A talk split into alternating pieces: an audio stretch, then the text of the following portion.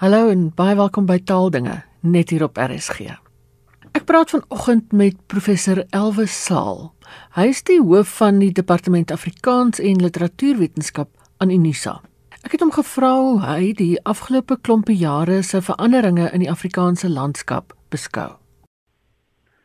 Ja, ek moet vir jou sê, know, dat dit eintlik 'n opwindende tyd is nou om 'n uh, taalkundige te wees en om navorsing te kan doen, jy weet, in terme van die uh, veranderinge wat ons gesien het die afgelope eintlik kom ons sê maar hier vanaf die laat 90er jare. Ja. Want dis moet ook van onthou dat taalveranderinge val saam met sosio-politieke veranderinge. So toe daai demokratiseringstendense hier beweeg het, jy weet deur die politieke landskap het dit gelukkiglik nie eintlik seker maar by sê ook 'n uh, impak gehad op die Afrikaanse taallandskap.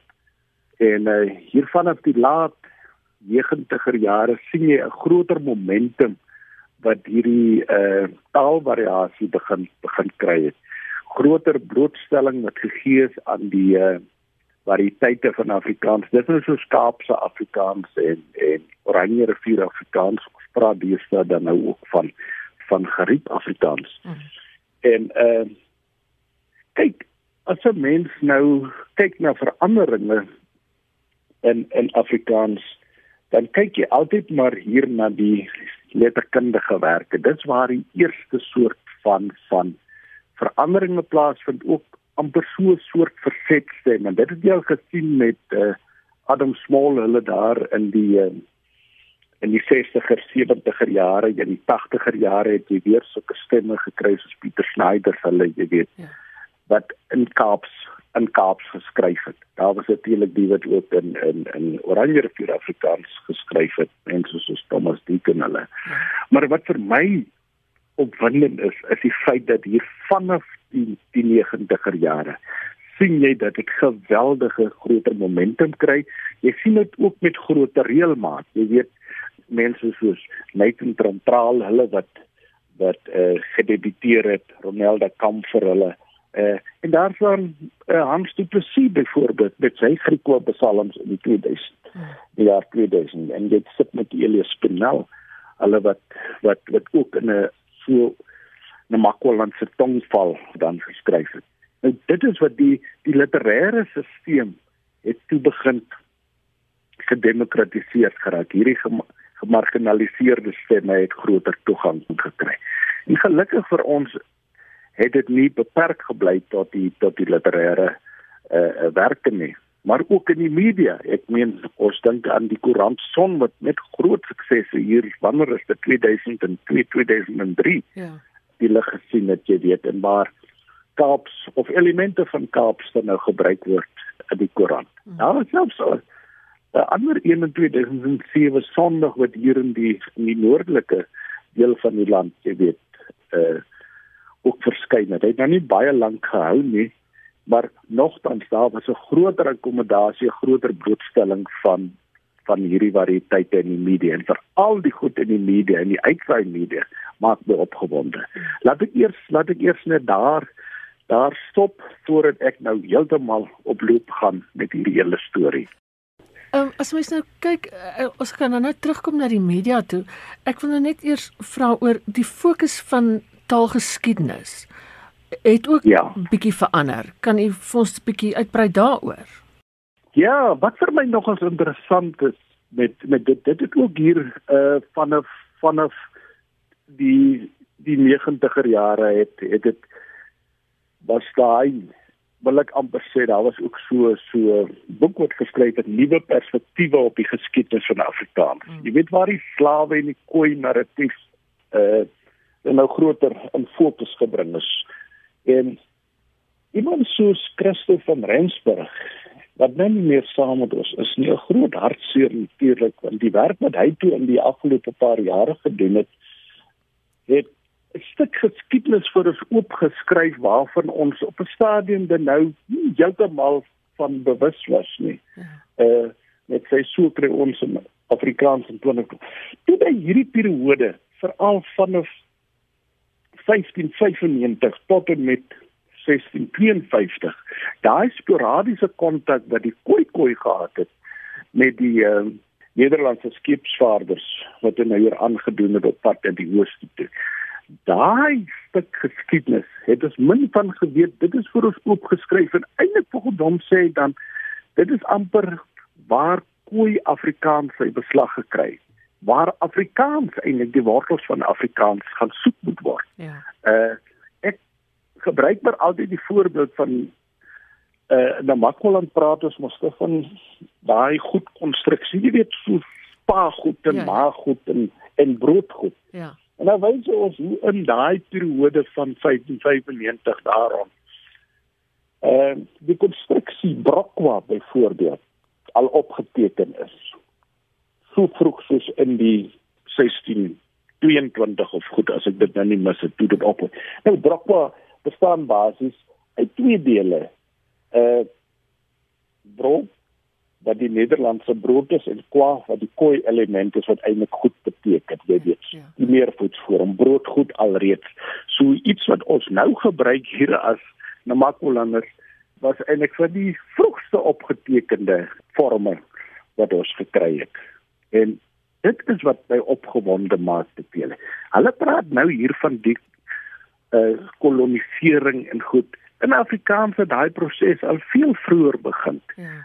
Waar ons daar was altyd 'n verset stem in Afrikaans. Inherent het ons maar altyd, jy weet, uh uh ek wil sê gerebelleer teen die teen teen die bepaalde soort van is Europese geskiedenis standaard geskiedenis wat ons gekry het, maar ons het glo daar is ander perspektiewe en nou word dit vir ons vertel. Nou word dit word dit aan die groot klok gehang en dit is hierdie goed wat moet uitgaan, jy weet, na die breër Afrikaanse taalgemeenskap. Professor maar nou as mens nou kyk na wat skoolkinders nou moet leer of hoe hulle nou taal kunde en en taalgebruik moet weergee.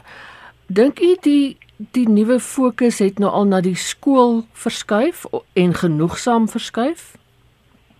Uh ja, kyk, dit is een van die uh, diskoerse wat deesdae gevoer word oor wat doen jy met met variëteite soos Kaaps, veral dan nou Kaaps, maar ook en en mense moet dit nie altyd vergeet nie, maar Oranje rivier Afrikaans vorm deel van van hierdie gesprek. Ja. Wat doen jy met met met hierdie variëteite in in die uh, skoolkurrikulum in daardie betrokke betrokke ruimte? Uh wat natuurlik 'n baie moeiliker moeiliker vraag is om te beantwoord.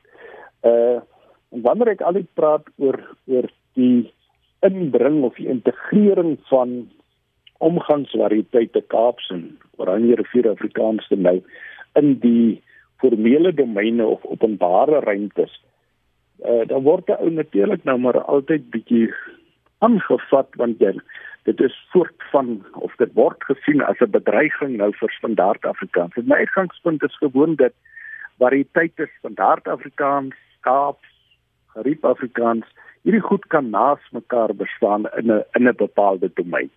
Uh dis nie noodwendig dat die inbring van die een die uitskuif van die ander moet moet moet beteken nie.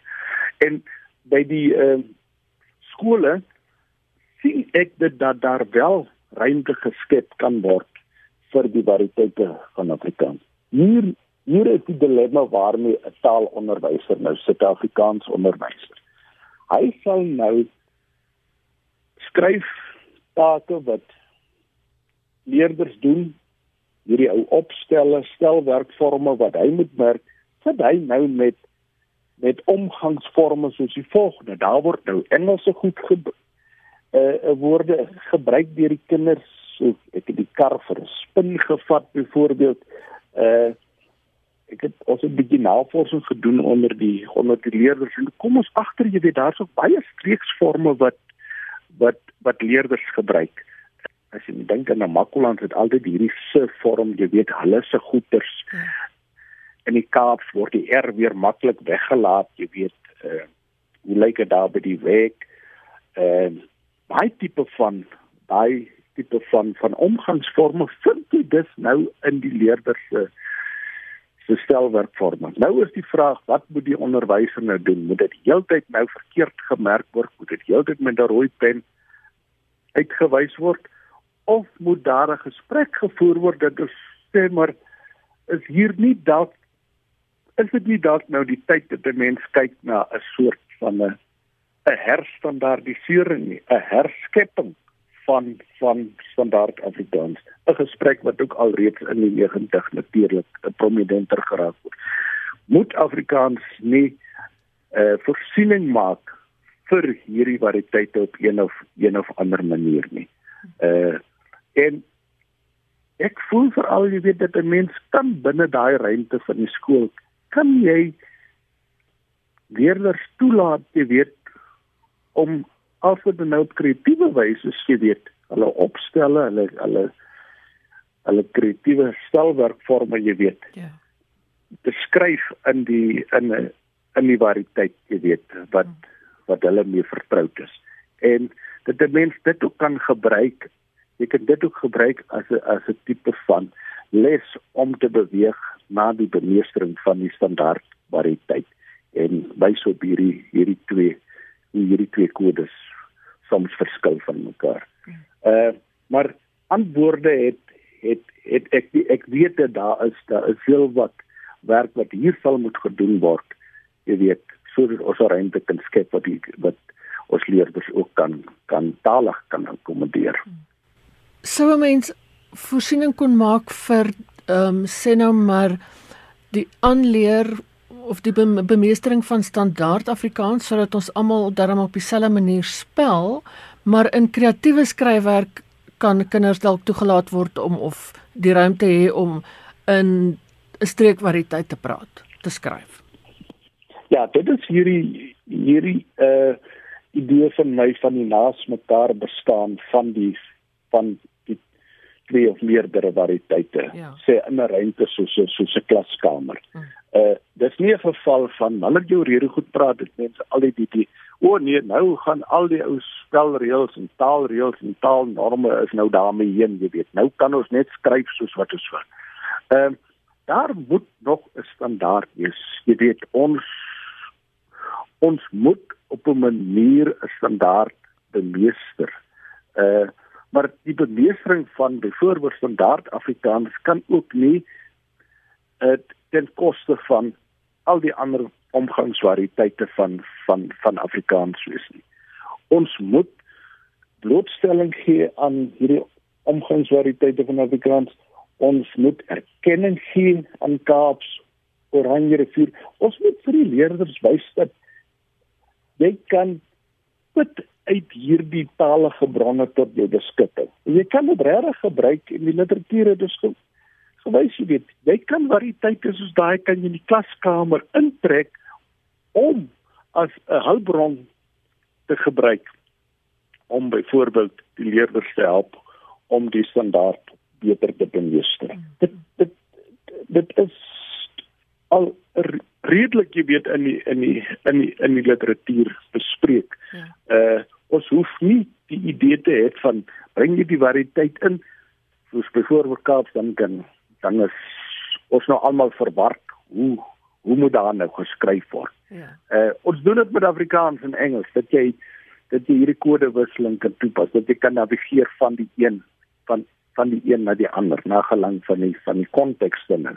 Uh en studente of leerders altans wat in die klaskamer sit, dis nie asof hulle daar sit sonder hulle variëteit nie. Hulle het dit alreeds. Hulle kom met dit na die klaskamer toe. Dis so dit kan inderdaad as 'n as 'n as 'n tipe hulpbron aangewend word. Ja. Om die leer te ver, vergemaklik en sommer ook net om die hele klaskamer situasie talig aanlokkend te maak vir die leerder. Hy moet dus so 'n vreemdeling voel as hy daar sit.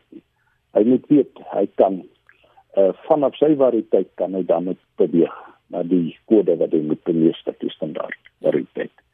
Ek nou nou ook gepraat van herstandardisering. Hoe sien u herstandardisering? Ja, vir my is herstandardisering wil ek eintlik bietjie bietjie breër soort oopgooi. Daar die uh eerste verstaan daarvan is dan dat standaard Afrikaans inklusiewer raak dat hy oopraak en dat hy dan meer van die variante vorme jy weet van Kaaps en van van geriep Afrikaans dan in nou kyk ons moet ook erkenning gee waar erkenning dan nou regtig waar nodig is. En in hierdie geval ek meen as jy kyk na die AWS op leksikale gebied is daar 'n belangrike kopknikke gemaak in terme van veral dan nou van van Kaaps uh ons het al heel heel paar woorde wat Kaaps het kom wat in die in die AWS opgeneem is. Ek ja. meen ons kan nou op drie maniere kan jy nou dankie sê. Ja. Ek kan nou sê dankie Tramakasi wat nou van uh, Maleis kom en dan Shukran wat Arabies dan nou dan nou is. Ja. Uh ons kan nou fitna, ons kan nou lekker skinder. Ek het groot geword met baby, die uh, so sagte reën. Uh en dit vorm nou deel van jou standaard Afrikaanse uh, leksikon. Ja. Uh so op leksikale gebied is daar natuurlik al belangrike tree gegee. Nie genoeg nie, maar 'n mens kan ook nou nie verwagte drome oornag, jy weet, gebou moet word nie. Uh so solank daai momentum behou word, glo ek jy weet dat daai leksikale basis ten minste van standaard Afrikaans vorentoe nog veel breër en inklusiewer sal raak dis veral ons grammatikale variasie jy weet wat ek voel daar nog ruimte is om variasie jy weet uh, uh, uit te bou daar en en en uh, variante forme in te trek. Maar nou het ons ook nou nie 'n reëlboek vir die vir die grammatika nie sente reëlboek nie. So daar moet ons maar leiding kry van die van taalkundiges en dis hoekom dit byvoorbeeld in 'n skoolsituasie kan 'n liggaam soos byvoorbeeld eksamineeringsliggaam soos Omolusi kan sê maar goed ons is bereid om nou hierdie as wisselforme te aanvaar of as bykomende omgangsforme variante forme te aanvaar wat betref die grammatika byvoorbeeld. Uh, jy kan nou maar praat van as as voorbeeld dit is om kar ons sal hom kar saam met oh, ja, ja. dit is sy kar of haar kar. Ja. Uh, ek het daai voorbeeld is natuurlik nou moetswillig ingesit deur my, maar dit is die soort van van van 'n uh, 'n uh, idee wat wat wat ek het met die met die tipe van van groter variasie dan wat jy wat jy kan intrek. Dit was professor Elwes Saal, hoof van die departement Afrikaans en literatuurwetenskap aan Unisa. En dan op 'n treurige noot net voor ek afsluit. Die afgelope week is een van Afrikaans se heel grootstes, professor Jaap Steyn oorlede. In sy veelbekroonde digbundel, Die Grammatika van Liefhê, lees ek die volgende waarskuwing raak. Dis die laaste deel van die vers getiteld Vrede. In biblioteke vergaar duisende bande stof. Uit die klassiekstes is vertaal. Ander is maar al minder verstaanbaar vir sentimenteles in die stamlande en vir linguiste wag daar 'n kosbare gegewe. Die materiaal vir die analise van 'n taal wat in die moderne tyd ontstaan het en laat sterf is. Ek het nooit die voorreg gehad om professor Steyn te ontmoet nie. Maar hy het soms vir my 'n e-pos gestuur oor hierdie program of oor van die dokumentêre programme wat ek gedoen het. En ek het dit as 'n baie groot kompliment beskou. Professor Steyn se heengaan is 'n groot verlies vir Afrikaans. Dis dan al vir vandag. Geniet die res van die dag in RSG se geselskap. Bly veilig, bly gesond en van my Ina Strydom groete tot 'n volgende keer.